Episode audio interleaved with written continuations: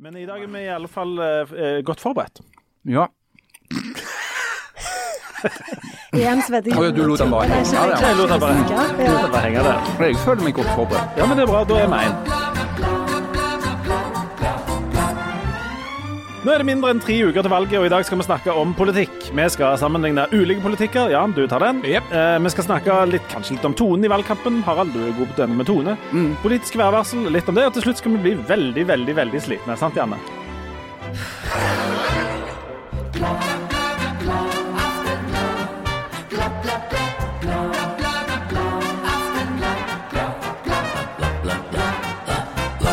Jeg sliten Liten er du på en skala fra 1 til 10? Jeg er på en minus 100 millioner tusen.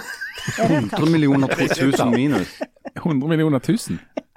Hvorfor er det sånn at du Det er et veldig høyt tall. Det er Jeg kjempedigert. bare Jeg fortæres av skam, angst og skyld. Skamangst. Og så jeg tror jeg jeg er overgangsalderen, så jeg tok meg jeg tenkte jeg ikke på når jeg tok på meg denne skjorta. Så nå har jeg hatt en forelesning for 100 stykk med noen sånne svettringer som gikk liksom langt ned på magen.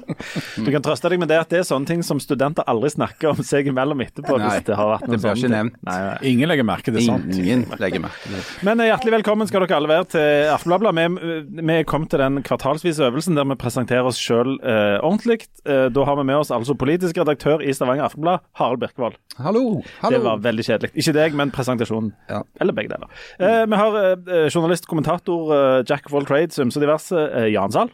Hallaus. Og så har vi eh, professor i litteratur og forfatterinne Janne Stigen Drangsholt. Jeg skulle vel ikke si hallo. Nei, jeg kan godt si hallo. Eh, og jeg heter Leif Tore Linde, er en slags eh, juniorpolitisk eh, kommentator i Stavanger Aftenblad. Og vi sliter altså med å komme i gang etter sommeren. Eh, jeg tror det er opptil flere her inne som eh, lider av litt sånn postferiedepresjon, problem med å komme i gang. Er det riktig analyse? Det tror jeg er en helt korrekt analyse. Eh, det er jo noe bratt. altså, Ideelt sett, ifølge teorien, så skal han jo komme tilbake fra ferien full av pift og pågangsmot. Eh, og så skal han ta fatt. Eh, men det føles litt som at du bare er helt nederst i fjellsida, og det er jækla bratt opp. Og hva er det egentlig det som er på den, toppen? Er det julaften, eller er det neste sommerferie? Det er litt uklart. Ja, det er i hvert fall ikke julaften. For det er jo dritstress. Da er det mer påskeaften i så fall. Ja. Men For hva er det der lyset i tunnelen? Er Ja, det et lys, eller er det en trailer? Det er ikke så godt å si på det nei, nåværende nei, tidspunkt. nei, jeg merker at jeg, jeg aner ikke. Jeg Men- føler men- meg litt fremmed i den diskusjonen, for jeg har jo vært tilbake på jobb i en måned Ja. allerede. Ja. Eh, Så jeg, har, jeg hadde den følelsen som dere har nå, hadde jeg for to-tre uker siden. ja. Så for meg er det mer sånn at nå er det, nå er det veldig, veldig hverdag igjen. Eller, eller det er en hverdag pluss, for det er en hverdag, men det er òg valgkamp. Så det er liksom det er to ting. Hverdag, hverdag pluss, det må du betale ekstra for. ja. Det må du betale ekstra for. Det er premiumversjonen av eh, hverdag. Men, men Janne, er det Si du er uh, var det 100 millioner tusen eh, sliten, eller Ja, var det det ikke det jeg sa? Ja, et eller annet i den, eh, det var cirka rundt der. Er det verre Enn noen gang. enn noen gang? Altså Går du bare nedover herifra og ut? Ja. Men hvorfor er det ekstra ille nå? Jeg har gjort noen ekstremt dumme valg. Det er jo Har du sagt ja til Du ting sier ja til ting, så du ikke burde sagt ja Ja. til? den? Ja. Ja. Eh, Å, herlighet. Jeg orker faen ikke snakke om det. Ja, ikke. Men du har fått starta universitetet i gang igjen, sant? Ja, og det Ja. var faktisk ganske kjekt. Var det det? Hæ? Ja, det var det. Og det, det, jeg er òg litt sånn i sjokk over det. Sånn, Jeg prøvde å si noe løye, og så lo de. Nei? Ja, Husker du hva du sa? Studentene eller kollegaene? Jeg, jeg, nei, kollegene. Oi. Å nei. Nei, Nei, nei, de nei. er nei, nei. nei, nei. Nei, nei, nei. nei, Nei, nei. det er alvor. Ja. Men hadde du en sånn litteraturvits, eh, eller noe sånt? Ja. Ja, husker du hva det Nei, var? jeg husker ikke hva det var, men jeg, for jeg ble litt sånn overvelda av at de lo, så da mista jeg veldig sånn fatningen og måtte ta meg litt vann. Og svette litt ekstra. Ja, og jeg svetta så mye. Jeg, det var så flaut. Så jeg må eh, Message til alle kvinner som kanskje er i overgangsalderen der ute. Ta på deg noe som ikke viser svette. Mm. Det som jeg mener vil være målet for den neste timen, det er at du har utvikla såpass gode svetteringer under armene at vi tar bilde etterpå og legger ut på Instagram. Så ser vi på en måte at du har vært i ringen her. Jeg har også kommet i overgangsalderen, for jeg har det samme problemet. At jeg er liksom eh, svett, jeg blir svett, var veldig varm. Så jeg tror jeg òg kommet Vi snakket jo om det eh, i fjor en gang, eller var, var det ikke det, med doktor Thorsen som var inne og mente, hun, hun mente at eh, løsningen på det mannlige overgangsalderen var å spise sunt og, og sove bra og trene og sånn. Så det kommer jo aldri til å skje. Så jeg har på en måte bare forsont meg med at jeg kommer til å være i overgangsalderen og fram til jeg går i grava. Og dette kombineres jo med at det er et veldig lurent vær. Ja, det er et Veldig veldig lurent vær. For at jeg hadde på meg bare denne skjorta, og så når jeg kjørte til jobb i morgen, så begynte det jo å hølje. Så, men for det skulle jo ikke regne. Mm. Men det hadde jo bra.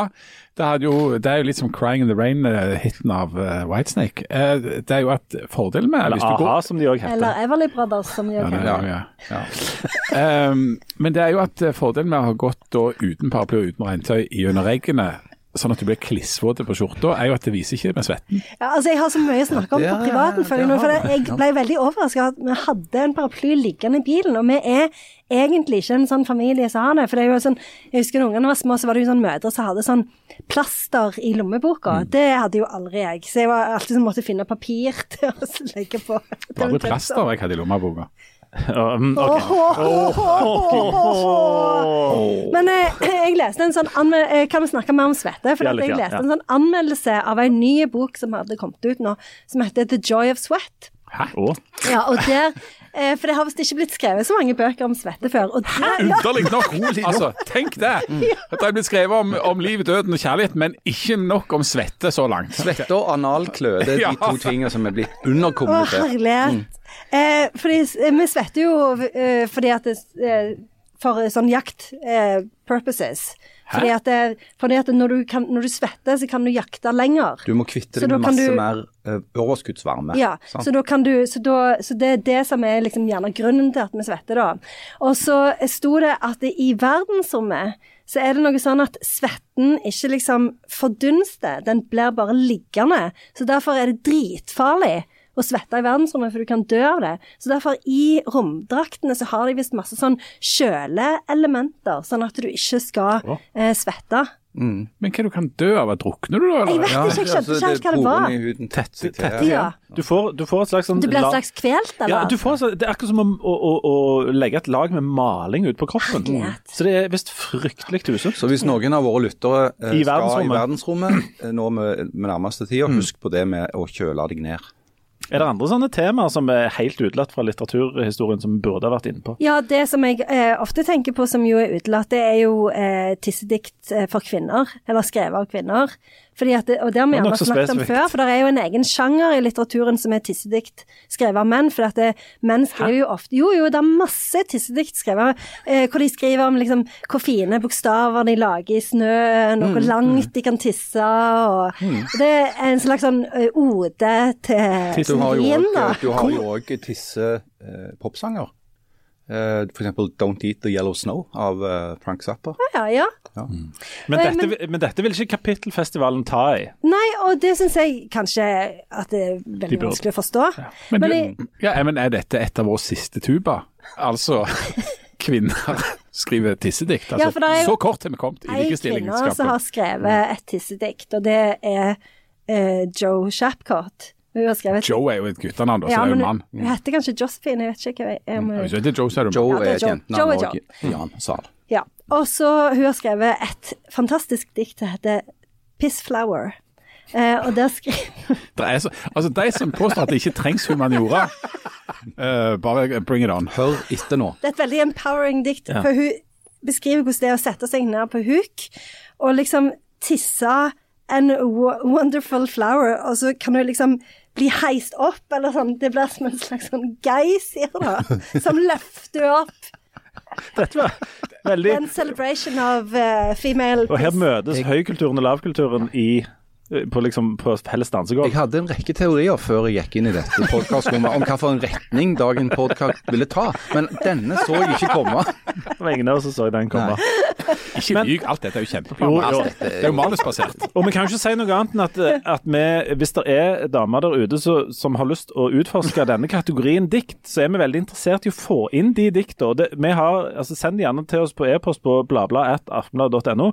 Vi kommer til å premiere tungt, og gjerne kommer til å gi gi en faglig vurdering av disse diktene. Så hvis dere har dikt i denne kategorien, send de veldig Ja, til oss. absolutt. Kjør på. Men ikke hvis du er mann. Nei, Nei, Nei, du er kan det ikke er være vi helt mann. uinteressert. totalt, totalt Nei, nei. uinteressert. Ja, nei. Men uh, denne, denne bratte sommeren, er det håp, eh, tror du det er håp for at du liksom kommer i hakken? Er dette vanlig at, at det tar litt tid etter sommeren før du liksom er oppe i vanlig turtall? Jeg tror for meg er det liksom Det Toget Jeg er tar ikke noe i det. Ja. Nei, nei. Men eh, det er Alt på grunn av. Ja. Men, eh, men det er på grunn av eh, Ja. Mm, det er så mye. Ja, det er det. Det er så mye. Og ikke minst nå så er det jo valg eh, som ja, vi skal plages det er mitt minste problem. Ja. Men eh, jeg må si det, at det er mye irriterende I valget. i valget. Enormt. Hva er det som irriterer deg aller mest? kan jeg si én ting Ja, som si- irriterer meg sånn, for jeg så på Dagsrevyen i går. Og så tar de og så har lagd en sånn en reportasje om disse her, nye politistasjonene som skal åpnes. Sånn eh, Jeg skal åpne en ny politistasjon med fem betjenter på en plass hvor det har kommet inn 40 anmeldelser i løpet av et år. Ja. Og så er ingen i politiet vil ha dette, det virker som en kjempedårlig idé. Så inviterer de Trygve What's his name, og så skal han snakke om det. Og så svarer han ikke på noe av det de spør om. Han bare kjører på med hvorfor Senterpartiet har ønska dette. Og så liksom, ja, men de sier Mens jo han dette. smiler. Mens han smiler. Dette smilet sitt. Ja. Og da bare kjente jeg Jeg ble så enormt sint, og jeg fikk den rykningen på øya som dere kjenner til. Mm, ja, ja. Så jeg måtte faktisk bare forlate rommet. Ja, jeg klarte ikke å være der. Er det noen som husker valgkampen i 2021? Nei. Da sa Senterpartiet at hvis de kom i regjering, så skal de åpne de lensmannskontorene igjen. Det gjør de nå. Ja. Men, men, men for enhver pris, liksom.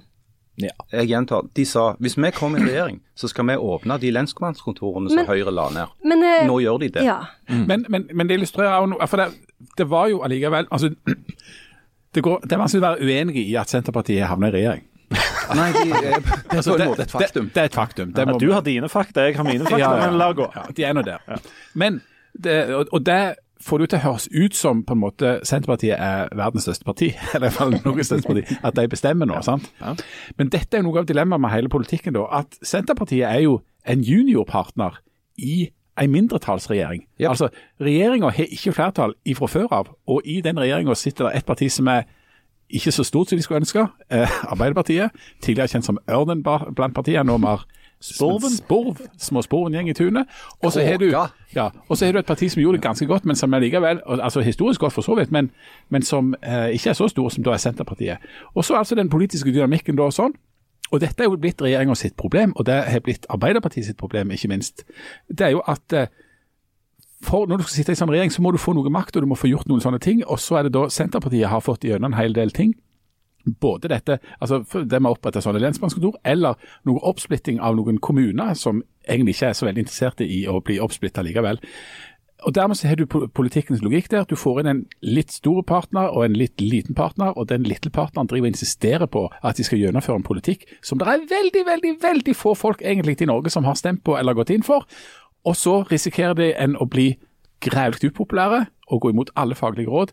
Men det er kanskje ikke så viktig, for du rir bare til din egen menighet. Nå sitter politisk Ja. redaktør og vifter med en fing. Ja, for det er jo helt riktig. Eh, Det er akkurat sånn som Jan sier, faktisk, at det, det er en mindretallsregjering hvor det er et sånn halvstort parti og et bitte lite som nå styrer Norge.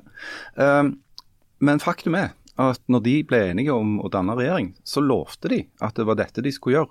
Sånn at det, det er på en måte noe Det er noe som er det er, det er noe som ikke helt stemmer her. Sant? Altså, De gjør det de sa de skulle gjøre, og det får de masse kritikk for. Eh, Det er vel det som ikke stemmer. Men det ble jo en sånn en farse, fordi at det, altså det som han sier, er jo det Senterpartiet sitt kredo credo, at det, liksom, vi skal, det skal kunne bo folk i distriktene, og vi skal jobbe for dem. Ja, og de Men- trenger òg en lensmann. Ja, men, ja, men hvis ikke engang de som bor der på en måte, trenger det, altså kan, kan ikke si OK, vi åpner, Vi bygde en vei heller, eller Men, men husk på at dette, veien. altså selv om politiet er imot, det, det, kan, det er det mange gode grunner til at de er. Eh, politiet, akkurat som mange leger, ønsker det de kaller robuste enheter, altså store nok politistasjoner til at de har et godt faglig miljø og alt det der. Det er ikke spesielt kanskje faglig utfordrende å jobbe på et lite lensmannskontor i Distrikts-Norge kontra det å jobbe på et større, et større bysentrum eller ha et større befolkningsgrunnlag. da. Eh, det samme gjelder jo mange leger. Eh, i, striden om nedleggelse av små sykehus eh, i, Distrikts-Norge, så vil det mange leger som sier at jo, men vi ønsker dette fordi at vi trenger et større, bedre faglig miljø. Og, og, og, det er lett å forstå. Men for brukerne av disse sykehusene og lensmannskontorene, så ser jo det ofte situasjonen annerledes ut når det er altfor langt. Det er timevis å kjøre til nærmeste lensmannskontor. Det blir færre trafikkontroller. Det er vanskeligere å få folk til å rykke ut på mindre alvorlig kriminalitet osv. Så, videre. så det er liksom litt hva slags perspektiv du legger an. Og så, så er det jo et annet perspektiv der. og det er jo, altså Et av argumentene til ham eller som han ble forelagt, han, han stod og smilte og ikke svarte, eh, var jo at ja, men fagfolka vil jo ikke ha dette her. Eh, og så sa han ja, men dette er politikk. Og da mm. kommer det en annen sånn uh, skvis. da. Det var jo et eksempel for et par uker siden i, i, Stavanger, der et annet ganske lite parti fikk lov å være på en annen barnehage der de hadde innført firedagersveka. Vi skulle få betalt for fem dagers uke. Og de ansatte, for, for dette, da skulle de få ned sykefraværet. Altså, da var det Eirik Faret Sakkarisen fra SV eh, som liksom har hatt en sånn sak på det. Ja, det var de ansatte i barnehagen ja. som skulle kunne jobbe fire Mm. Ja, ja. ja. Altså mm. Innføre firedagersveke jobb for 100% lønn. Og så er det sånn, kan du intervjue de andre folka som jobber der. Eller du kan intervjue egentlig hvilken arbeidstaker du vil i hele verden, der forslaget er OK, du får en dag fri uke, om du får akkurat like mye lønn. Syns du det er en god eller en dårlig idé? Selvsagt vil de synes det er en, en god idé. Men så viser det seg jo at f.eks. Utdanningsforbundet, som, som er den liksom som organiserer de som jobber med skolesektoren, sier at de syns ikke dette er en god idé. Og hvis det er én ting Norge ikke trenger, så er det jo at vi skal jobbe mindre. De vil jo at vi skal jobbe mer, men det er politikk. Sånn at hvis du har funnet en symbolsak eller en liten ting eller en greie som du vil gjennomføre, som du vil liksom skinne litt overfor dine, så gjør du det. Uavhengig av faglige råd eller hva vi faktisk trenger. Det er det som er politikk. Og Dette illustrerer en annen uh, ting som er, kan være potensielt vanskelig med når det er valg i Norge. Det er at det er enormt mange partier som stiller til valg, som fører til at vi òg alltid ender opp med altså, at folk sprer seg utover. Det er ingen sånne, nødvendigvis sånne kjempestore partier. Um, i, tror, Sola kommune tror jeg det er tolv partier mm. som stiller til valg. Som stiller liste. Som stiller liste, ja. ja. Um, og, og, og, eh, det er for det første gjør det for mange vanskelig, tror jeg, å finne hvilket parti de er enig, mest enig i, fordi at det er så små nyanser mellom en del av disse. Og så fører det jo til at som òg Aftenbladet skrev om uh, intervjuer med folk, er at du, når du stemmer på noen, så vet du ikke helt hva det er du ender opp med i andre enden. For eksempel, jeg skal bare illustrere med ett eksempel. Hvis du stemmer på uh, Hvis du kjenner at jeg er en Arbeiderparti-velger, og stemmer på det, så kan du i én kommune da ende opp med Jo, Arbeiderpartiet de får styre de sammen med Rødt. Mens i en annen kommune, f.eks. rett på sida, kan du ende opp med at Arbeiderpartiet uh, styrer sammen med Frp. Det er to ganske forskjellige utfall av den samme stemmen. Mm. Så i spørsmålet, Er det bra eller er det dårlig at denne partifloraen i Norge er så stor, og at folk fordeler seg så mye utover? Eh, jeg tror det er stort sett er en bra ting. Fordi at kommunepolitikk er noe veldig annerledes. Det er et helt annet dyr enn politikk på riks- eh, stortingsnivå. Eh, I kommunene så er det nesten alltid nødvendig til å samarbeide på tvers av partigrensene. Og I noen kommuner så, så, er ikke de politiske forskjellene like uttalte mellom partiene som de er i, i, eh, på riksplan. Så, så, da kan du få sånne konstellasjoner der, der Fremskrittspartiet og Arbeiderpartiet finner sammen, f.eks. i Sandnes eller i Sola. Det ville jo aldri ha skjedd på Stortinget. Og det ville, ville, og det ville jo aldri skjedd i Stavanger, altså over kommunegrensa? Nei, men i Stavanger har Arbeiderpartiet og Høyre samarbeida i mange, mange år. Eh, budsjettsamarbeid. Eh, og en lang tradisjon for eh, samarbeid på tvers. Og Det ville jo heller ikke vært en tenkelig situasjon i Stortinget nå. Nei, og nå samarbeider jo Ap i Stavanger, da med Rødt. Sånn at ja. I to, to, de to største kommunene i Rogaland så samarbeider Arbeiderpartiet, som du sa, altså, det var ikke bare et hypotetisk eksempel. Det ene Nei. med Frp, altså så langt til høyre du kan komme på den politiske uh, aksen, og i Stavanger så langt venstre du kan komme. Men det, ja, og Dette gjør det vanskelig for, også fordi at vi, vi, må da skille ganske Og det er vanskelig tror jeg, for mange å skille det der med, med stortingsvalg og kommunevalg. fordi at du, du, finner gjerne et parti, og så må du gjøre hele øvelsen på ny, og så må du kanskje finne noen andre. Mm. Men hvor skal folk da begynne? Nå, nå, er det veldig mange som har forhåndsstemt, vi skal snakke litt mer om det senere. Men for de som fremdeles er usikre, sånn, hvor, hvor, hvor starter en? Altså, Når en skal prøve å finne ut hvem en faktisk skal velge, det er jo det, er jo det vi skal gjøre. Fleste, Hvor skal en begynne? Jeg tipper de fleste starter, og det tror jeg er en riktig måte å gjøre det på, altså, med å finne ut er det noen saker som jeg er veldig opptatt av. Altså Har jeg noen sånne hjertesaker, er det noen ting som bestyr veldig mye for meg. Uh, og hvis du klarer I min kommune. Ja, for meg i min kommune. Altså, jeg, er- jeg er for eller imot det. Jeg er veldig opptatt av det. Jeg uh, får neller av å tenke på hvis det skulle skjedd. Så må du jo prøve å finne ut da, er det noen partier som er på mitt lag her. Er det noen som, er, de, som, som vil gjøre det som jeg vil gjøre. Eh, og Det er jo ofte en, en fin plass å begynne. Eh, men det er òg en typisk sånn lokalvalgstankegang. du i, hvis du f.eks. akkurat nå bor på Finnøy, eh, Finnøy bydel i Stavanger kommune, så er det to-tre saker der som engasjerer veldig mye. Det er spørsmål om de skal ha sånne høyspentmaster rett over. Eh, som jo sås inn i krok. Det er mang mangel på utbygging av sykkel- og gangveier. Eh, får i krok. Eh, og så kan det f.eks. være eh, trusselen om nedlegging av mindre skoler pga. at du skal spare penger. Eh, Og Da vil jo partiene sine standpunkter for eller imot disse her tingene være noe som kan dirigere en del stemmer. Men så er det Alle også- 14 partiene, sant? ja, men så er det òg en del velgere som ikke gjør dette i det hele tatt. De er mye mer eh, enten ideologiske, eller så er de personfokuserte. Eh, det er jo ikke uten grunn at Arbeiderpartiet sin kampanje i Stavanger i forbindelse med dette valget heter 'Jeg liker Kari'. De appellerer til velgere som først og fremst stemmer på Arbeiderpartiet fordi de liker Kari Nessa Nordtun. Eh, og person, eh, altså personkjemi mellom velgere og de som står på valg, er veldig viktig òg i, i, i, eh, i lokalvalgene. Mye viktigere enn i eh, rikssammenheng. Janne, hvordan går du fram når du skal finne ut av dette?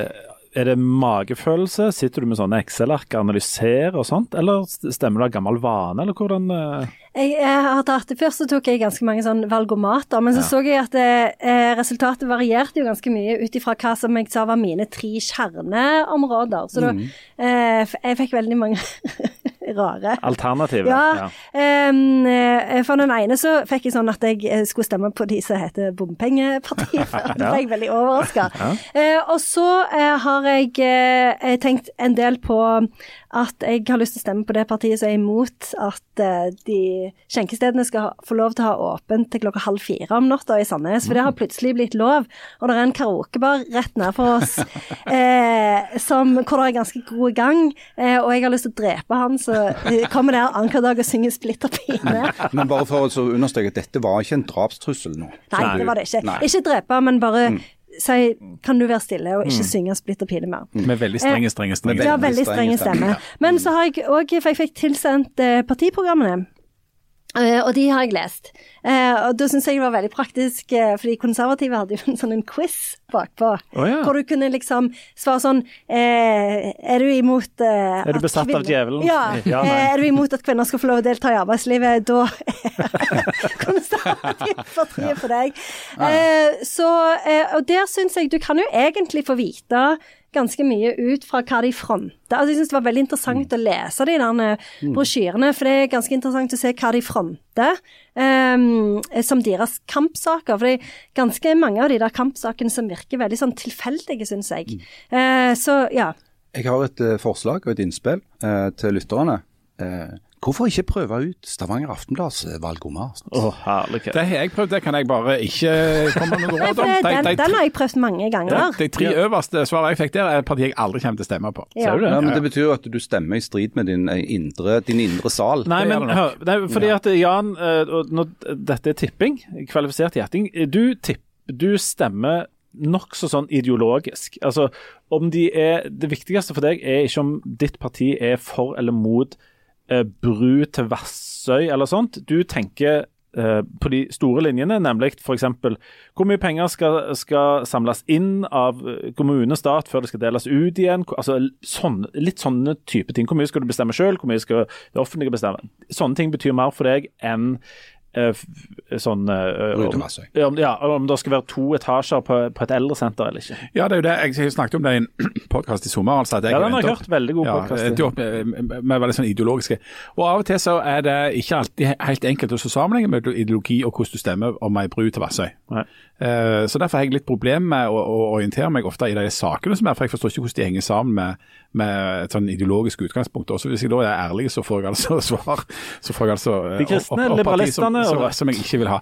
Men du spurte tidligere om det med om det var en bra ting eller en dum ting at det er så enormt mange parti. Altså På en måte så er jo det en slags sånn sikkerhetsventil i eh, samfunnet. da. At Hvis det er tilstrekkelig mange som som er frustrerte og som, som eh, brenner for en eller annen sak eller for en eller annen ideologi eller for et eller annet sånt, så er det altså en, en god mulighet i Norge for å etablere seg som et parti og da komme opp med en liste. Men det viser seg at det er eh, heldigvis ganske vanskelig å nå såpass gjennom at du faktisk kommer inn og blir representert. Altså Det skal enormt mye til for at du faktisk skal, bli, skal få veldig mye makt. Det var jo eh, Eksempelet på forrige valg var jo dette bompengepartiet. sant? Eh, folk ser en sak som de engasjerer seg kolossalt i, altså bompenger. Engasjerer seg voldsomt i det. Får inn noen i eh, bystyret som viser seg å ikke være kanskje helt sånn som de hadde trodd på en masse andre saker. Eh, og så er de helt forsvunnet nå, da. Eh, men, Men, men, men, men, det er jo et eksempel på sånn. at du kan, eh, du kan på en måte bruke et valg til en form for sånn mobilisering. Ja, og det, og, og det er bra. for det, da, da kom det måte, da kom den saken opp og kom til utløp. og liksom fikk på en måte, Du fikk tatt vekk noe av det der trykket der. Men så er det jo heller ikke sånn at, at, at det er best demokrati, eller at, liksom, at du vinner NM i demokrati med at du har flest mulig parti. for det at Hvis det var sånn da at liksom alle da til slutt skulle være med på et eller annet slags vis, og, og, og sånn, så blir det veldig fort kaotisk. da. Så Der, der ligger det jo inne noen sånne sperrer og sånt i, i valgsystemet som gjør at du må opp på et visst nivå for at du, at du skal bli representert. da. Det, alle disse, altså Denne store partifloraen eh, har jo òg den effekten at dette det tvinger politikerne overalt til å samarbeide. Og samarbeide ganske altså Ikke veldig ofte med mer enn én part. Altså, vi ser veldig ofte at flertallet ender opp med kanskje tre, fire, fem partier rundt omkring. Er ikke det en bra ting? Jo, på mange måter så er det det. Eh, hvis det er én ting som har virkelig har forbausa meg med den konstellasjonen som styrer Stavanger nå, og som har gjort det siden eh, 2019, så er det jo at han har holdt sammen nå i snart fire år. Ingen av partiene har brutt ut. Og det er For de som ikke har detaljene der, der er det altså Arbeiderpartifolk og MDG og sjørøvere og Husfliden, og alle er med der. Kommunister, Ja. bondeparti, altså Ekstreme alle. veganere. Ekstremveganere. Alt er Og det har jo, det har jo funka for de. Det har det. Og, og det er jo fordi at når du søker makt, eh, for dette er jo det det handler om, De, de, de fant sammen for å skyve Høyre ut av ordførerkontorene og få makt. Eh, og da får, altså, Fordelen med å ha makt er at du faktisk får gjort ting, da, får gjennomført en del greier. Sånn at selv de små partiene i denne konstellasjonen kan jo liksom slå i bordet med reelle politiske gjennomslag. Vi har fått gjennomført det. Eh, Det er et MDG-stempel på denne politikken. Det er et, eh, et Senterparti-stempel på denne politikken osv. Det gjør jo at, eh, at det er attraktivt for de å, å samarbeide. Og jeg tror òg at i de aller fleste kommuner, og kanskje mer og mer jo, jo, mindre kommunen er i innbyggertall, så, så er samarbeid på tvers noe du ikke kommer utenom. Eh, til og med i kommuner i Rogaland, som f.eks. i Indre Ryfylke, hvor Senterpartiet har fått flertall, eller tilnærmet flertall, så er det jo utstrakt politisk samarbeid. En ønsker jo at det skal være bredest mulig flertall bak det som blir gjennomført. Hvor uh, lett eller vanskelig syns dere det er å se på en måte forskjellen på partier i, i de forskjellige kommunene? Vi har jo ofte vi kjenner jo best til vår egen kommune, men har gjerne et inntrykk av andre plasser òg. Janne, du, du, du holder jo til i Sandnes. Hvor lett syns du det er? Der er det sånn at Arbeiderpartiet og Frp pluss moms har styrt lenge. Høyre er liksom et stort liksom, opposisjonsparti. Klar, ser du den store forskjellen på å stemme på den ene eller på den andre? Eller da den tredje eller fjerde? Ja, jeg, jeg ser jo at det, når jeg har lest disse her, eh, eh, brosjyrene som jeg har fått, så um, ser jeg jo at det er, at det er forskjeller. Og det er jo selv, altså de ideologiske forskjellene som ligger til grunn, de, de er der jo, det ser en jo. Um, men em, jeg har glemt spørsmålet. Men, men altså partiet, det er jo, det er jo komplisert, for partiet vil jo stort sett alltid det samme. Altså Ja. Alle partier vil f.eks. ha sikra gode oppvekstvilkår i, i vår kommune og vår by. De vil også sikre Stabile rammevilkår for næringslivet. Stabile rammevilkår for næringslivet, for de vil ha et blomstrende næringsliv, viser det seg. Og så vil de også ha en verdig og, og altså, godt tilbud til de Verdig, god eldreomsorg. ja, eldreomsorg. Jeg, jeg, Jeg tror har egentlig ikke at-. Ja. Jeg tror egentlig ikke Rødt Ja, De vil jo for så vidt ha stabile vilkår for næringslivet. men, eh, men jeg merka meg jo at Mimir Kristiansson skrev på Facebook forleden dag at uh, hvis det var én ting de skulle være sikre på, det var at hvis Rødt fikk makta, så skulle de skattlegges herfra til helvete. så, så næringsvennlig er vel kanskje dra litt langt når det gjelder Rødt. Da. Men det er, der, der er jo sånne symbolsaker. Frp i Stavanger var ute med en av sine faste, nemlig at uh, når alt skal være åpent på søndagene. Og, og, mm. og vi har vel ennå ikke hatt det der det må være lov å drikke øl hvor som helst-utspillet, men, men Pils i parken, ja. det er jo en greie i Oslo-politikken. Ikke sant, ja. ja. Og, og det er vel alltid en i Unge Venstre som står fram og sier at du må få lov å gifte deg med lampen din hvis du har lyst, eller sånne ja, mens du røyker hasj. Ja. ja. eh, og det, det, er jo noen sånne, sånne saker, men så er vel òg realiteten at Um, når du går ned på de store store tingene, og der som liksom de store pengene brukes, og sånt, så er, blir forskjellene mindre og mindre. mindre, mindre. Altså Jo større mm. saken er, jo mindre blir på en måte forskjellen. sant? Ja, sant? Alle, alle er jo enige på lokalplan om at uh, vi har en ytre fiende. Altså, altså Nabokommunen. Nabokommunen og Oslo. Ja. Sant? Altså, Det er jo etablert som en sannhet. sant? Altså, Det er jo visse ting det går an å være enige om. Ja, absolutt. Ja, ja, ja. Det er jo nabokommunen og Sandnes. Nei, ja, unnskyld, unnskyld. Det, det var en uh, Freudian Slipp eh, Oslo, som er problemet.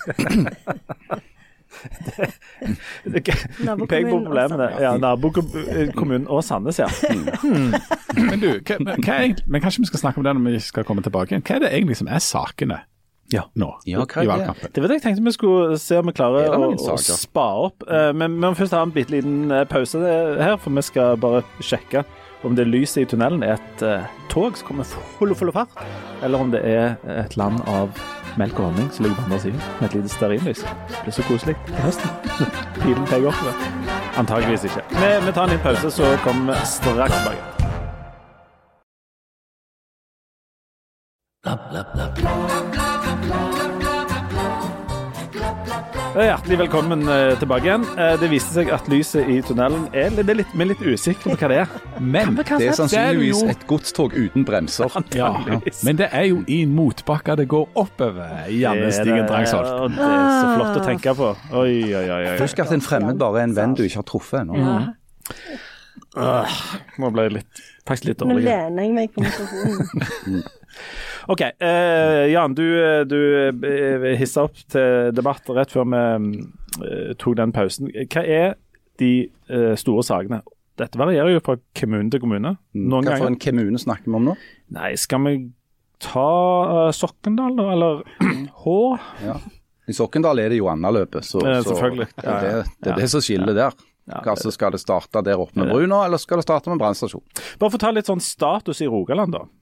Jeg eh, har begynt med en sånn skrivebordsøvelse som eh, heter 'Hvem blir ordfører i hvilken kommune?'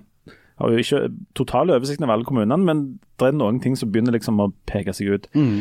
I dag er det jo sånn i Rogaland at hvis du tar, setter fram en moped, så kan du plassere alle ordførerne til høyre oppå den mopeden. Mm. Og du kan fremdeles ha med en liten handlepose, for det er begge to får plass. Ja. Mm. Um, etter dette valget, hvis denne voldsomme medvinden til Høyre fortsetter, så trenger de nok en minibuss for å få plass til alle ordførerne sine. Det kan bli 10, det kan bli 12, det kan bli 14. Mm. Altså såpass mye. Såpass. Det er liksom status nå. Og Så skal det forhandles alt dette her, men der, der er det. Hva for noen saker i, liksom, i lokalpolitikken er det som har gjort Høyre så enormt populære? Eller er det Erna Solberg? Jeg tror ikke det er én sak. Eh, eller det, kanskje, det er ikke en sak? Altså, ikke en, Nei, det er ikke noen sak. Det er ikke én eller to saker som har gjort Høyre til uh, det potensielle nye ordførerpartiet uh, i Rogaland. Det har jo vært Senterpartiet. Mm. Uh, det kan bli Høyre. det handler nok en god del om regjeringsslitasjen. Altså at uh, vi har å gjøre med en historisk upopulær regjering. Som gjennomfører politikken sin? Som gjennomfører politikken sin, som folk ikke vil ha. Det er en ting folk ikke vil ha. Det provoserer meg noe grælig. Hvis du gjør det du har lovt, så da ja. Saken er at, at, mye av den kontroversielle Senterpartipolitikken som de gjennomfører, er jo kjempepopulær i kommuner hvor det nesten ikke er velgere. Så, så, de er kjempeglade på, på Nesna og i Drangedal. Sant? Men det hjelper jo ikke så mye det hvis de er fly forbanna i Oslo og Bergen. Eh, det er det problemet Senterpartiet har. Men, men uh, i Stavanger så er det jo noen saker, eller iallfall kan du si ideologiske temaer, som skiller litt mellom eh, dagens posisjon og de som prøver å, å, å bli den nye posisjonen. Og Det går f.eks. med, med kommunens pengebruk. Altså hva kommunen skal bruke penger på. Eh, gratis buss er jo noe som har satt sinnen i kok, eh, histen opp histen. Eh, det er snakk om gratis skolemat, det er snakk om prisene på SFO. Eh, og som er sånne klassiske lokalvalgsaker. ikke sant? Som handler om, om, om oppvekst og, og, og, personlig økonomi og, og, hva du får igjen for skattepengene dine, og hva de velger å bruke det på.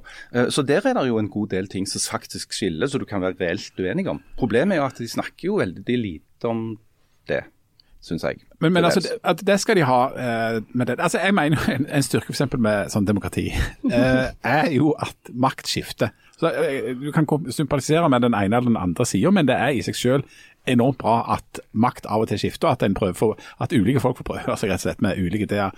Og Det skal en ha i Stavanger-politikken nå. Eh, at Med den der regnbuealliansen som sitter der og styrer nå, så, så er det et tydelig sånn ideologisk element. Eh, og, og det er ideologiske skillelinjer i Stavanger kommune nå som handler om ja, offentlig pengebruk. Altså Hvor sterkt skal det offentlige engasjere seg hva, i, i, ting som, og, og, hvor langt inn på en måte i privatlivet og, og, og sånt skal, eller Hvor mye ansvar skal det offentlige ta kontra at du tar mer ansvar selv. Det er en tydelig skille nå i, i, mellom høyre- og venstresida i Stavanger. Eh, altså Venstresida, som nå styrer, da, innfører universelle gratisgoder fordi at det skal gjelde alle, mens høyresida vil si at det er lurere å målrette pengene inn mot de som faktisk har behov for det. At det blir grassat dyrt å bruke dette på alle. Mange folk har råd til å betale dette sjøl. Mm. Og, og, når du da ser på populariteten i eh, Stavanger, så er det jo altså, det er en borgerlig og blå by. Så det er, kan godt hende at det er ganske mange som ikke er for at eh, en skal bruke eh, offentlige penger på så mye som altså, eh, universelt. Og så ligger det vel også et element av er det noe byutvikling og næringsutvikling og sånn næringstankegang som òg eventuelt eh... Ja, altså der, der kom jo, Faktisk i dag så kom det jo et sånn der, kan kalle det sagt, nødrakett eh, for de, for de eh, som driver og skal prøve å utvikle Paradis. Uh, dette nye nærings- og boområdet midt i Stavanger.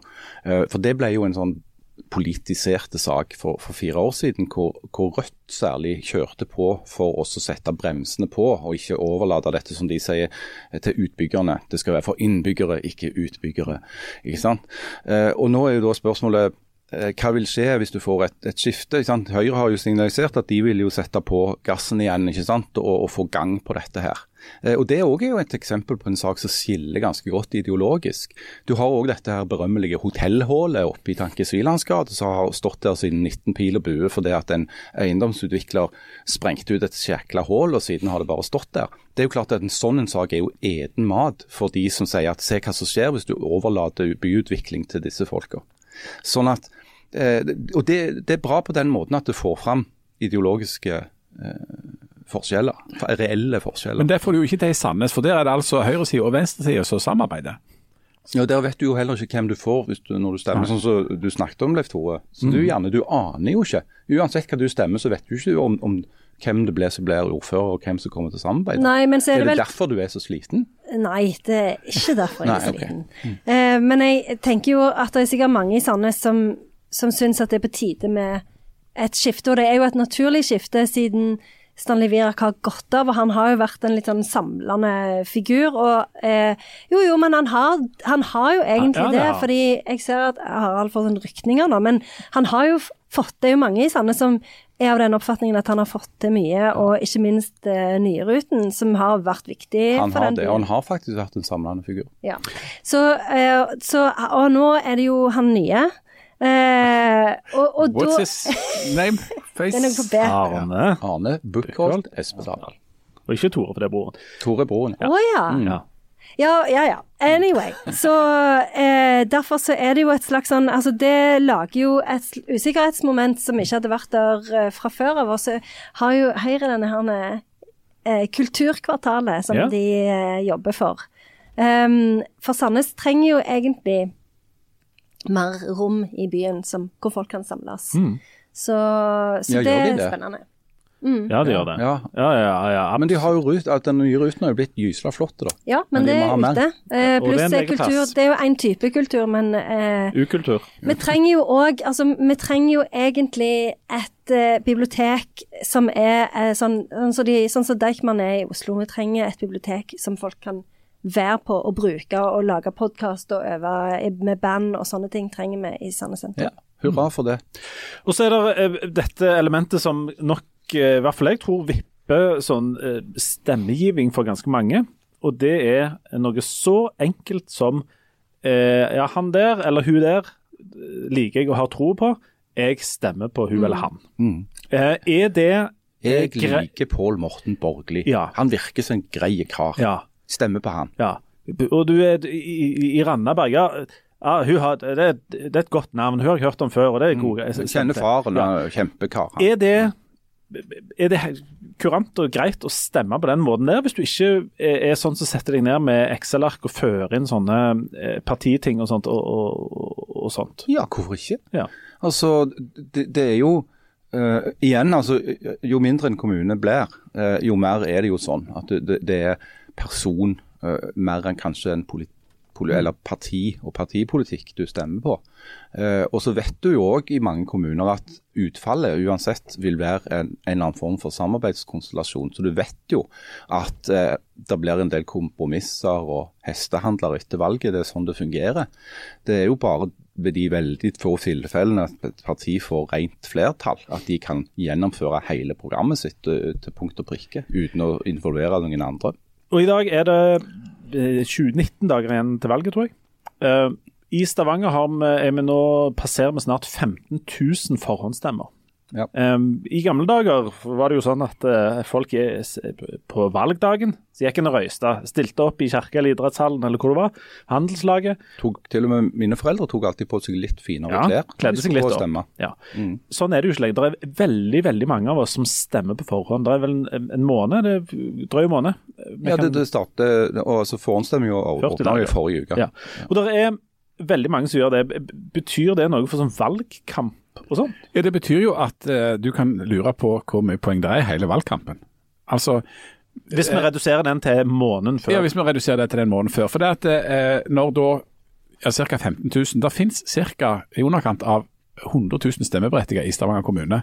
Eh, og det er ikke sånn at det er 100 valgdeltakelse eh, ved lokalvalg, det er vel en sånn 60-70 eh, Og hvis da 15 000 av de, så eh, av de 100 000 som har stemmerett, allerede har stemt når Og de forventer ti, i alle fall 10 000 til. ja, når- ja, når det har gått liksom, uh, når det er tre uker igjen, så betyr jo det at det som måtte skje de neste tre ukene, spiller jo ingen rolle for i hvert fall 15% av, av, av liksom, altså, De 15 000 kommer til å utgjøre en ganske stor prosentdel av det totale antallet stemmer. Og Det er jo et slags eh, paradoks, muligens. eh, For det sier noe om at, eh, at, at folk har bestemt seg på forhånd. De vet hvem de stemmer på, og det er en viss sånn partilojalitet, og at folk vet eh, hvor de er allerede da. Og så vet jeg ikke de blir jo glad for at det der kommer forhåndsstemmer. Altså alle sånne valgdirektorat og sånn, det er sånne jubeloppslag. Ja, nå er det rekord i forhåndsstemmer som det da er et mål, men det må jo være ganske på et vis Jeg vet ikke om det er deprimerende eller bra for disse politikerne. Men selv, ja. selv om det er, er valgkamp innspurt, eller kaller vi det innspurt ja, det det. Ja, ja. Ja, så har det jo foregått lenge, og du har jo fått et ganske godt inntrykk av hva slags saker partiene står for, og har fått anledning til å bestemme om bestemmer jeg en Valgomaten har jo ligget ute i månedsvis, så at du har jo fått anledning til å sette deg inn i det. valgomat. Han er faktisk veldig god, den. Yeah, right. Selv, selv om Jan fikk beskjed om å gå og stemme rødt. Ja. Men nå må du bare gjøre det, da. du Gjøre sånn som valgomaten sier. Men de, de, de som går og forhåndsstemmer, de har jo da nødvendigvis bestemt seg, ikke sant? og, og forholdsvis tidlig. Eh, de utgjør mange, men kanskje det er på en måte de som går og stemmer på forhånd, er partiene sitt sikreste kort. Nettopp. Og Det er der noe av håpet ligger for de som er bekymra for at eh, alt er, alt er avgjort. Det er at uh, det er en overvekt blant de som forhåndsstemmer, uh, som, som, er, er, som, som visste for lengst hva de skulle stemme, og som ikke er så lette å overbevise om noe annet. Sånn at en del av de som er litt i tvil og sitter på gjerdet, de er fortsatt der. Og det er jo de, særlig Arbeiderpartiet, er avhengig av å plukke ned fra gjerdet i, i denne innspurten. Fordi at Når du ser, ser på målingene nå i det siste, så går Høyre litt tilbake. Ikke bare i Stavanger, men overalt. Det var forventa. Fordi at på fagspråket så kalles dette at partiet har vært fullmobilisert. De har hatt alle velgerne sine med seg. De er veldig lojale. De stemte Høyre forrige gang. De gjør det igjen nå. De stemte òg Høyre i 19 pil og bue. De, de stemmer Høyre. Eh, sånn at den avskallingen Høyre ser, den er helt å forvente. Det så du òg eh, både ved kommunevalget i 2019 og i stortingsvalget i 2017, at eh, Senterpartiet var i knallform tidlig på våren. De kom altfor tidlig i form og gikk, fikk syre og is i rubben og alt mulig, og, gikk klokka inn på mye lavere nivåer. Så Ap kan håpe på at de kan plukke ned en del av de gjerdetvilerne og få de over på sin side. Og Derfor så er det jo nokså intenst. Eh, Jeg var med i et sånt der eh, kommentatorpanel på TV i helgen, og der var det også, eh, Premisset var da ja, nå er Arendalsuka slutt, og nå er valgkampen i gang. Så jeg, eh, nei. altså I mange kommuner, inkludert alle kommunene jeg kjenner til i Rogaland, så har valgkampen vært i gang kjempelenge. Siden i vår har han vært i gang. Men det er jo en sånn der, det er jo sånn riksmedieregien som de skal ta, NRK og TV 2. De, de skal liksom bestemme at Arendalsuka, da starter alt. Men, og det er feil, da. Det, det er ingenting egentlig som starter i Arendal. Det er fordi da har redaktørene kommet hjem ifra sånn. Chablis-badekar i Frankrike. Og så har de ligget på været litt, og så har de nekta de ansatte høyere lønn, alt dette her. Og så går de, reiser de på Arendalsuka for å slippe å jobbe, og så setter vi i gang. Men det er jo ikke så, dette er jo ikke den virkelige verden, Jan. sant? Det er ikke Nei. sånn det fungerer. Nei, og, og, og jeg snakker jo om korte og lange valgkamper. eh, og, og den egentlige valgkampen den foregår jo egentlig hele tida. Altså, eh, ja, før den starta. Senterpartiet og Arbeiderpartiet de leverer nå i regjering det de har sagt de skulle gjøre. Og folk hater det med stor iver. Og det er jo en valgkamp som, er som, foregår i flere år, og som de nå jo får sånn uh, indikasjoner på at kanskje ikke ja, flyr ikke helt. Du ser jo det. nå. Du ser jo det. Erna Solberg hun er jo helt frenetisk. Jeg, jeg, jeg, tror, jeg skulle ikke forundre meg om at du har den dama. Hun må jo ha en dynamo som ikke ligner noen ting. At hun skal liksom innom alle landets kommuner og snakke med minst halvparten av landets befolkning. ikke sant? Pluss eh, spille fotball Pluss spille litt fotball og holde på. Og Jonas Gahr Støre, det er jo ingen som har sagt det med så mange ord, men han har jo tydeligvis fått beskjed om å holde seg langt unna.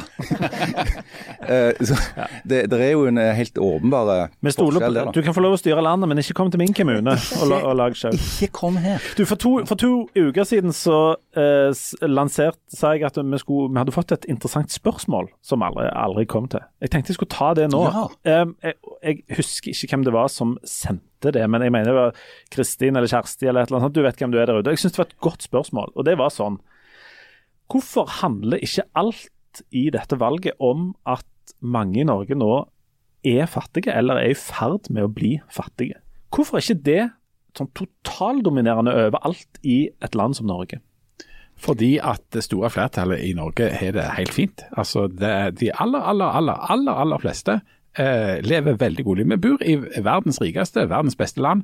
Eh, helt utrolig privilegerte situasjon. Så er det en ny situasjon at det er eh, såpass mange men, altså, men hvis en da snakker om 100 000 eller 150 000 som har behov for hjelp, så finnes det jo altså 4,6 millioner igjen da, som ikke har det.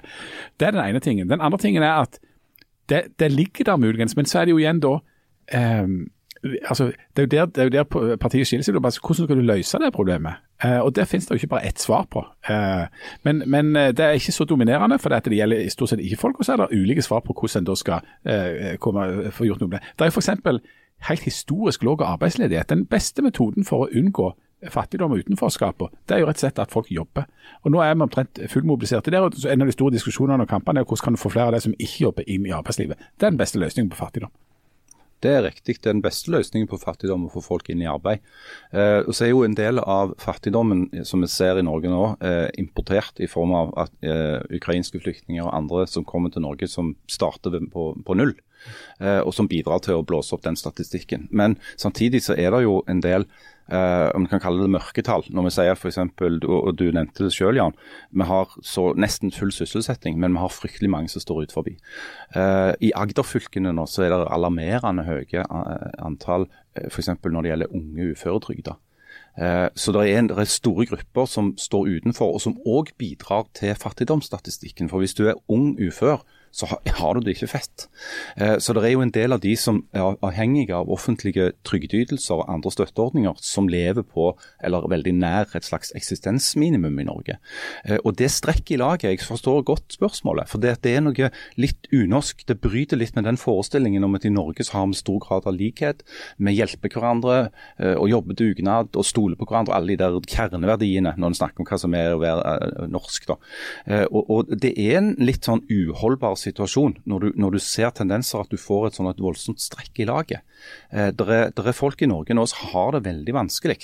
Eh, og Det er ikke alle av de som kan hjelpe oss inn i en jobb. En del av de har ikke arbeidsevne, og hva skal vi gjøre med det?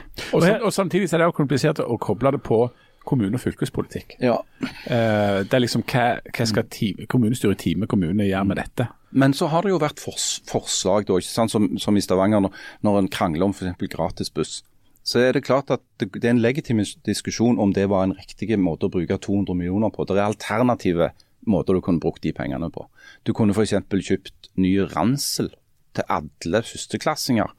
Både i Stavanger og i Sandnes og i Sola og i Randaberg og i resten av fylket. Og fortsatt hatt masse penger til overs eh, av de 200 Men da hadde noen foreslått at vi skulle behovsprøvd dette med ransel. Ikke sant. Altså, men det, det, det er en legitim diskusjon. Men det er i alle fall et tiltak. Gratis SFO er et sånt tiltak. Skolemat er et sånt tiltak. Så det har blitt gjort ting. Eh, og det er jo òg litt, syns jeg, en slags dissonans når høyresida de angriper de universelle ordningene. Det er, det er gode argumenter mot eh, universelle ordninger. Hvorfor skal mangemillionærer få eh, gratis eh, SFO? Ja. Men du kan jo snu det rundt og si hvorfor skal mangemillionærer slippe eiendomsskatt? Skulle ikke også, Hvis du skal fjerne eiendomsskatten, burde du ikke bare fjerne den for de med lave inntekter, da? Ja, det er jo samme argumentet. Sånn Men går- det, det, er, det er høyresida ideologisk blinde for. Er der, eh, eh, tror dere det er mange som, når de skal finne ut hvem de stemmer på, stemmer på grunnlag av noen andre enn seg sjøl? Det, det sies jo at lommebøker avgjør eh, ofte valg, altså, men jeg, tror dere det er mange som går rundt der og ser på Sier at de er litt sånn anlagt sånn som Jan, så tar de en politikk og sammenligner med en annen politikk, og så sier de ja, dette her tror jeg er bra for min neste, så det står i skriften. Og så stemmer de sånn. Er det, er, Ja, holder folk på sånn? Men no man is an island. Uh, det er vanskelig å avgjøre helt hva det er som er seg selv. Hvis du f.eks. er forelder og har unger i skole eller barnehage, så er du opptatt av skole og barnehage. Er du da opptatt av deg selv, eller er du ikke det? Hvis du har foreldre som er gamle og syke, og som trenger, er, er det da deg selv, eller er det deg du tenker på?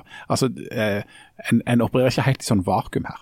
For, for en stemmer jo En stemmer jo for seg sjøl, men en stemmer jo kanskje mer på grunn av de relasjonene som du snakker om, Jan. For en har jo lyst å bo i et samfunn som er godt, og da har en det jo bare godt hvis andre har det godt. Og Det er jo mange måter å uttrykke solidaritet og omsorg på òg. Det, Slag, synes jeg, jeg syns noen ganger at venstresida er unødvendig kjipe med en del eh, folk på høyresida. Og for- Ved f.eks. å underkjenne verdien av frivillig arbeid. Det er mange som stemmer til Høyre, som bruker mye av sin fritid og sine evner på å hjelpe andre. Det er ikke, en svart, det er ikke et nullsumspill, og det er ikke helt svart-hvitt. Vi har fått ett spørsmål til, og det er nok kanskje enda viktigere enn det som um, vi har her. Og det er at det er nesten ingenting å se på TV. Nei, det er For fader sant. Og der har jeg, fikk jeg et konkret, uh, uh, konkret spørsmål om å spørre gjerne Jeg tror vi har forklart hvorfor, pga. litt streiking og, Ja. og Hollywood-greier og sånn. Men det, det hjelper jo ikke oss når vi skal se på TV at, der er, at grunnen er streik og sånt. Ja, for jeg må- tror ikke at grunnen egentlig er streik helt ennå. Jeg tror den, altså, det kommer bare til å bli verre og verre, tror jeg. Gjør du det? Ja. Jeg har bestemt meg for å boikotte Netflix og HBO fram til Tom Cruise får en lønn han kan leve av. ja, men den streiken er jo reell. Det er jo ikke ja. Men det du kan gjøre, du kan gå på kino. Jeg har jo altså tilbrakt de siste eh, fire-fem dagene i Haugesund, på filmfestivalen i Haugesund. Um, og der kommer en hel del gode filmer framover. Ja, for det, at det, er jo, det blir jo, og det jeg ble sjokkert når jeg oppdaget, men det er faktisk en del folk ut forbi Hollywood som lager film. Ja, det viser seg å være det. Ja, I Eh, andre og- land og Ja, sånn. for eksempel så kommer jo altså den eh, som allerede er ganske hypa og mye omtalt, altså Margaret Olin sin eh, film som heter 'Fedrelandet'. Eh, den bør ses i stort format. for det er Ja, jeg norsk så en sånn trailer, som så veldig ja. stort format ut. Den bør du absolutt se i stort format. Men, hva, hva snakker vi om her? Er det ei dame som går rundt og ser hvor fint det er i Norge? Um, det er en um, jeg, eh, Anmeldelsen er ikke trykt ennå, den kommer, men jeg har skrevet ingressen allerede. men altså det er på en måte, jeg, jeg si, Vi har jo nasjonalsanger fra før, og dette er en nasjonal film. Eh, hun reiser hjem til Oldedalen, der hun uh, slekta hennes kommer ifra, og så går hun tur i fjellene og dalene der med faren. og Det er svært og nasjonalromantisk. Altså Alle som har vært oppe på, på vestlandskysten vet jo at det er nesten ubegripelig fint og majestetisk. Og, sånt. og dette er en film som på en måte eh, filmen. det, det er som en stabel med postkort. altså Helt vanvittig fine bilder. Eh, men, Men altså, handler han om noe òg? Altså, Nei, han, jo, han, han handler om han, og det, Er det noe etterforskning av drap? og- Nei, det er veldig lite etterforskning. Konflikt. Men, men det er, i, i god Margaret Olin-stil så det, så er det de, sånn, de, de svære tingene på, på et vis. og Sant? Hun, det er maksimalisme. Hun reiser hjem til foreldrene som er gamle, og som jo har mesteparten av livet bak seg, og så snakker de på en måte om livet og døden og, at, og hvordan det blir når da det er Men, men så har hun en veldig, veldig stoiske far som snakker på en måte om slekters gang, og at dette er naturlig. Sånn. Så, så det er liksom inn i det der med generasjonene. altså Det er første vers av Ja, vi elsker dette her, og naturen. Eh, altså de helt, helt store formatene. det er dette landet som det stiger frem. Ja, det er dette landet fure tverrbitt. Eh, og vi tenker, og tenker på vår far og mor. Altså alt det, det er første verset av Ja, vi elsker, i, som film. Og er det Saganatt òg med? Ja, det er nok et element av saganatt. Han der som talte rommet midt imot, er det noe intervju med det er jo i fjerde vers. Ja, det er fire vers. Dette er kun første verset. Kun første vers. Nei, så, ja, så, så der, der kommer der, og så kommer der en Jeg så en voldsomt god danske med voldsomt hard krangling. Eh, eh, et, okay. et, et ganske kort, men konsist drama om Tove Ditlevsen, den danske eh, forfatteren som, eh, som tok livet sitt i 1978. Eh, som nok hadde det tøft òg på hjemmebane. Altså, jeg har sjelden sett maken til krangling. Uh, ja, hun var blant annet OK, så ja, ja. det er uh, folk som tok liv, danske folk som tok livet av seg, og så folk som går hjem og snakker med foreldrene sine. Det svinger Bare gleder seg. Det svinger det. seg.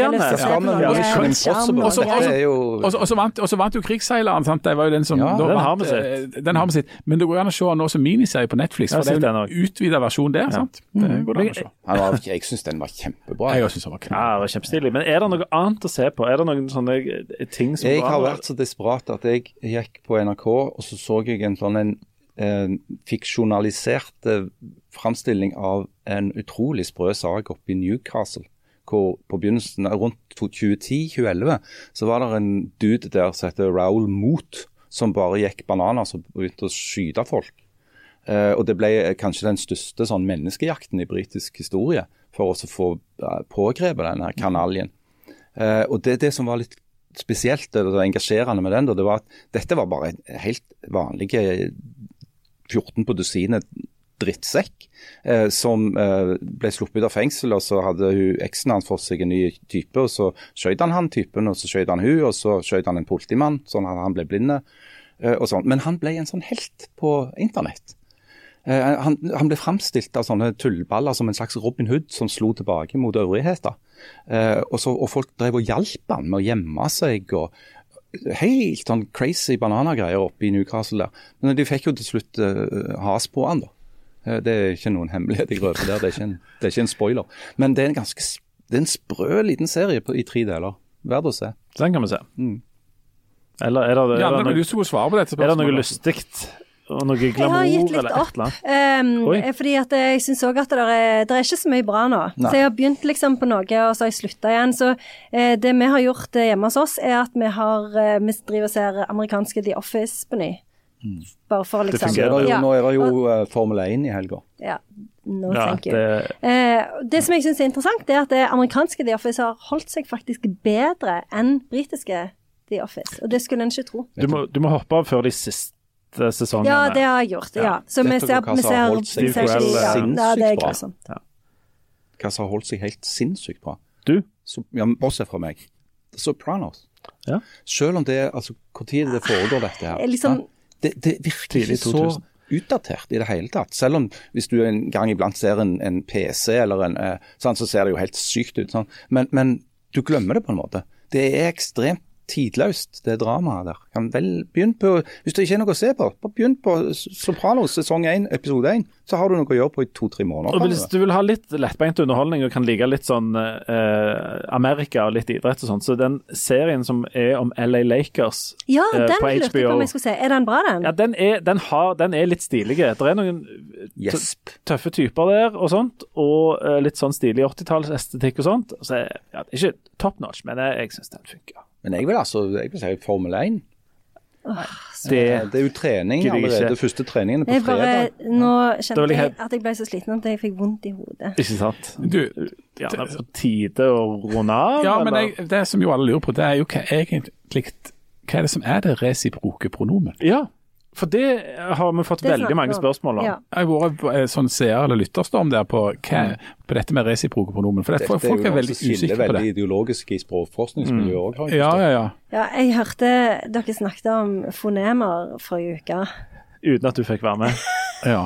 Og da satt du der full av frustrasjon. Du, du satt og ropte inn i, i, i radioapparatet. Ja. Men nå var det dette det spartanske Hva var det du kalte det? Det res, altså resiproke pronomen, Ja. Hva er det for noe? Jeg Det er jo det alle, alle går til å lure på. Er det Det I er, is? det er et pronomen som uttrykker gjensidighet. Og på grunn av sin betydning er det derfor alltid i flertall. Ja, hva, jeg har et eksempel, da. Kan du bruke det i en setning?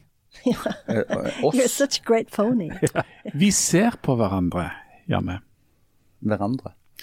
Dere kysser hverandre. Det har, Ja, Er det hva Er det hverandre? hverandre er det norske resiproke Ah, ja. Bare det? Og det kan brukes i alle personene. Ja. Ja. De kjenner hverandre.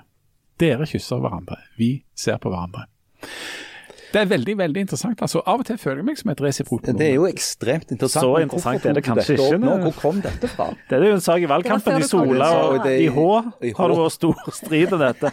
Om det heter hverandre eller hinanden. Jeg vet ikke hva de bruker. Hva bruker de i H nå?